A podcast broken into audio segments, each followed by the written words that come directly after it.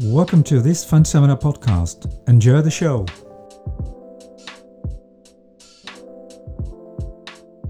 Welcome to Fund Seminar podcast. My name is Jan Jaap Omvlee. Today's guest is Krzysztof Janiga from State Street SPDR ETFs, EMEA. Welcome to the show. Can I first ask you to introduce yourself? Thank you, Jan. I'm pleased to join you. My name is Krzysztof Janiga. I work at State Street SPDR ETFs in EMEA, and I cover small and mid-cap strategies as well as other uh, regional equity exposures. Great, good to have you. Can you tell us something about State Street SPDR ETFs? Well, we are one of the largest ETF providers in the world with over 1 trillion of assets across the US, EMEA and APAC. We have strong sense of heritage as we were the first to create a US listed ETF and since then, we continue to innovate during the last 30 years, uh, offering exposures to various asset classes and strategies, and that includes uh, US small and mid caps. So, before we dive into US small and mid caps, here's today's uh, icebreaker. What is the funniest or most remarkable thing you've ever encountered as a professional investor? Well, it was certainly a remarkable experience. It wasn't funny at the time, but in hindsight, I look at it with certain level of amusement when I think about various reactions and also the overconfidence as we were coming to the event. So it was June 2016. Back then, I worked as a real estate analyst covering some of the UK companies, and then Brexit happened. So it was quite a shock to the financial markets, and I think markets weren't really uh, prepared for that at the time.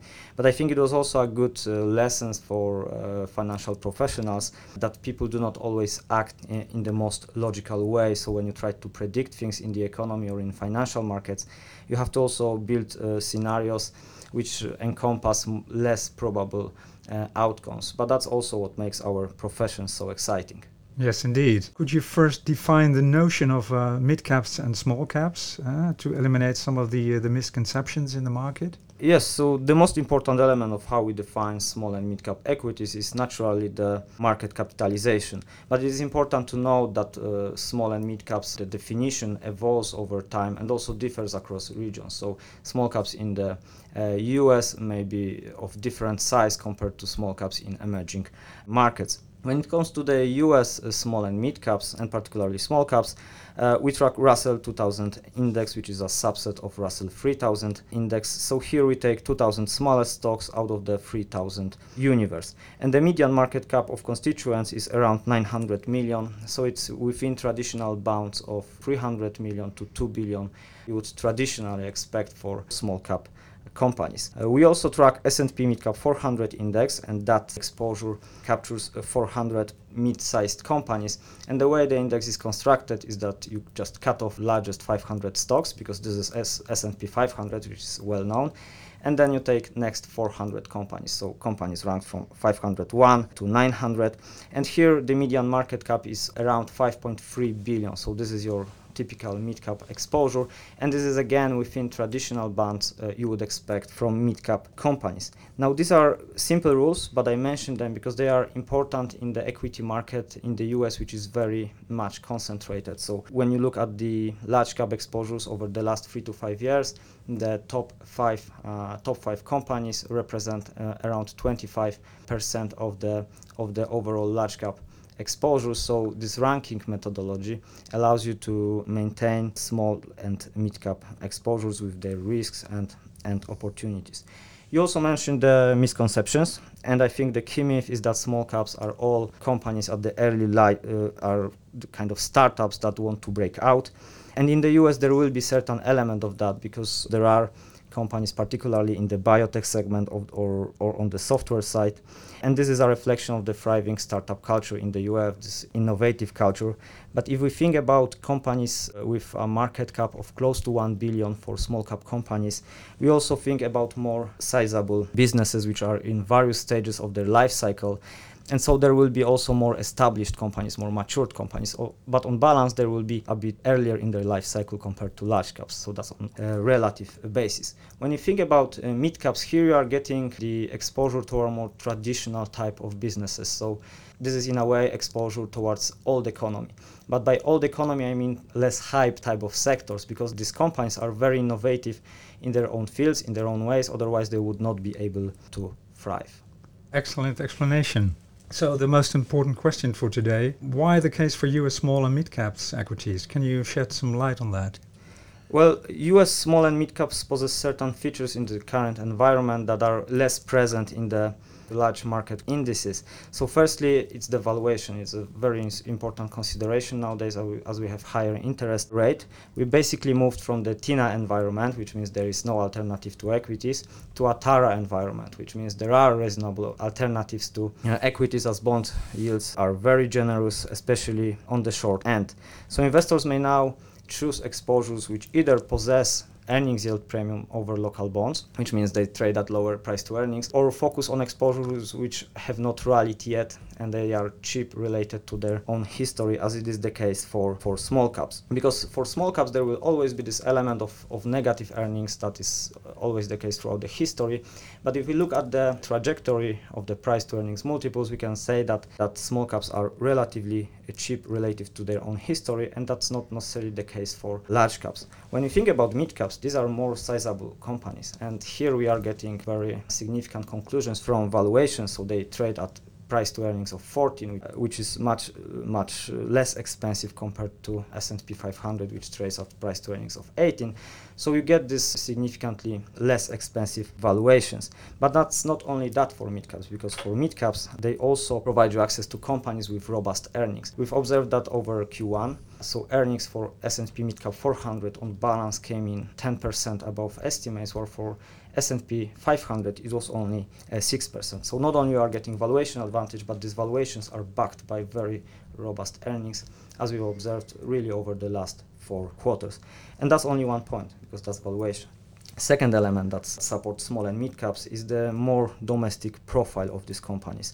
And the domestic demand, despite economic slowdown, despite elevated interest rates, have been very robust in the US and that supports these businesses that allows them to thrive in this otherwise difficult environment. Now, when it comes to the performance, so you may have heard that small and mid cap companies enjoy size premia over the longer term, uh, particularly small caps over the last, let's say, 80 years. But since the beginning of 2000, mid caps delivered uh, nearly double the returns of, uh, of the S&P 500.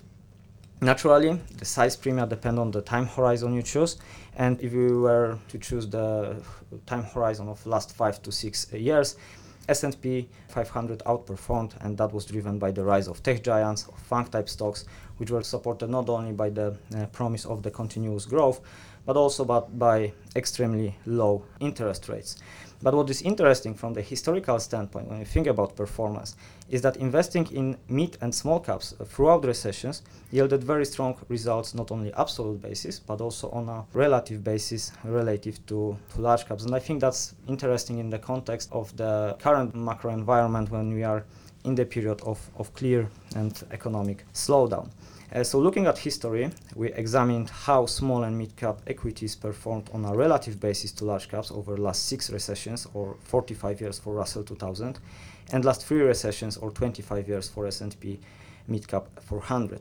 And historically, on average, the best time to invest in small and mid-cap companies was actually three to four months into the recession and holding these exposures for around one to three years. So this historically yielded 15 to 20% of outperformance against the large cap segment.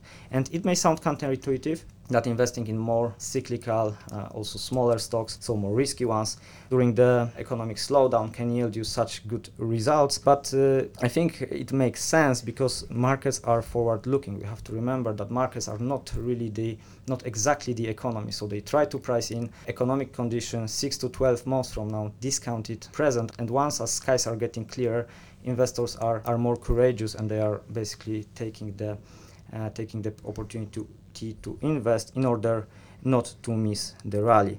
Now, initially during the slowdown, investors are more defensive. So the first three months of recession usually yields you outperformance of S&P 500 over smaller stocks. But this is what we really observed already this year if we think about the performance year to date. So S&P 500 already outperformed and we already had some challenges and they are largely behind us, at least those which we know. So the regional banking crisis which was responded by, by the Treasury Department and the debt ceiling which was again resolved by the bipartisan deal. So of course every cycle is different, but given the strong rebound also last week and the fact that we have this underperformance behind us, I think this is a very interesting uh, point for in time for small and mid caps. Could you also say that due to the domestic measures under the Biden administration, such as the uh, fiscal initiatives taken by the Fed and the initiative to reshore manufacturing and supply chain activities, US small and mid caps will benefit from this? So US small and mid caps would benefit from that on a, on a relative basis relative to, to large caps. Because if we think about reshoring, this is quite an inflationary theme.